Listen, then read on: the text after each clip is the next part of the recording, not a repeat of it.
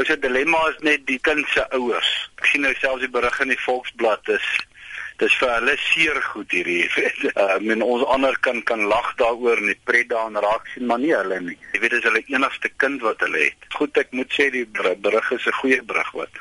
Daar's nie gedryf nie. Maar dis 'n dis 'n tipiese kerkstorie, nê? Nee? Ek dink baie skrywers soos Ferdinand Duist het al uh, soortgelyke stories en uh, op die waarheid geskoei vertel. Ja, ja, ja.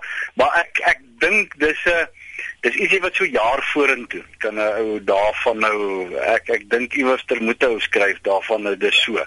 Maar ek dink net op hierdie stadium die ek het gisteraand met die pa gepraat hulle dis dis baie seer nog by hulle jy weet ja dis ek kry hulle jammer. So uh, saam met die lag saam met die uh, uh, die die hele dit wat gebeur het, jy weet ek probeer my ek meen ek het my toga aangehaat en ek is kop eers in daai graf en so ek my picture hoe dit gelyk jy Batman in die gat maar jy's jy's jy's by 'n stigtelike byeenkoms en hier val jy in 'n klomp mense in 'n graf in. Wat gaan deur 'n mens se kop in daai oomblik kyk deur my kop het net gegaan hierdie kus moenie oopgaan nie.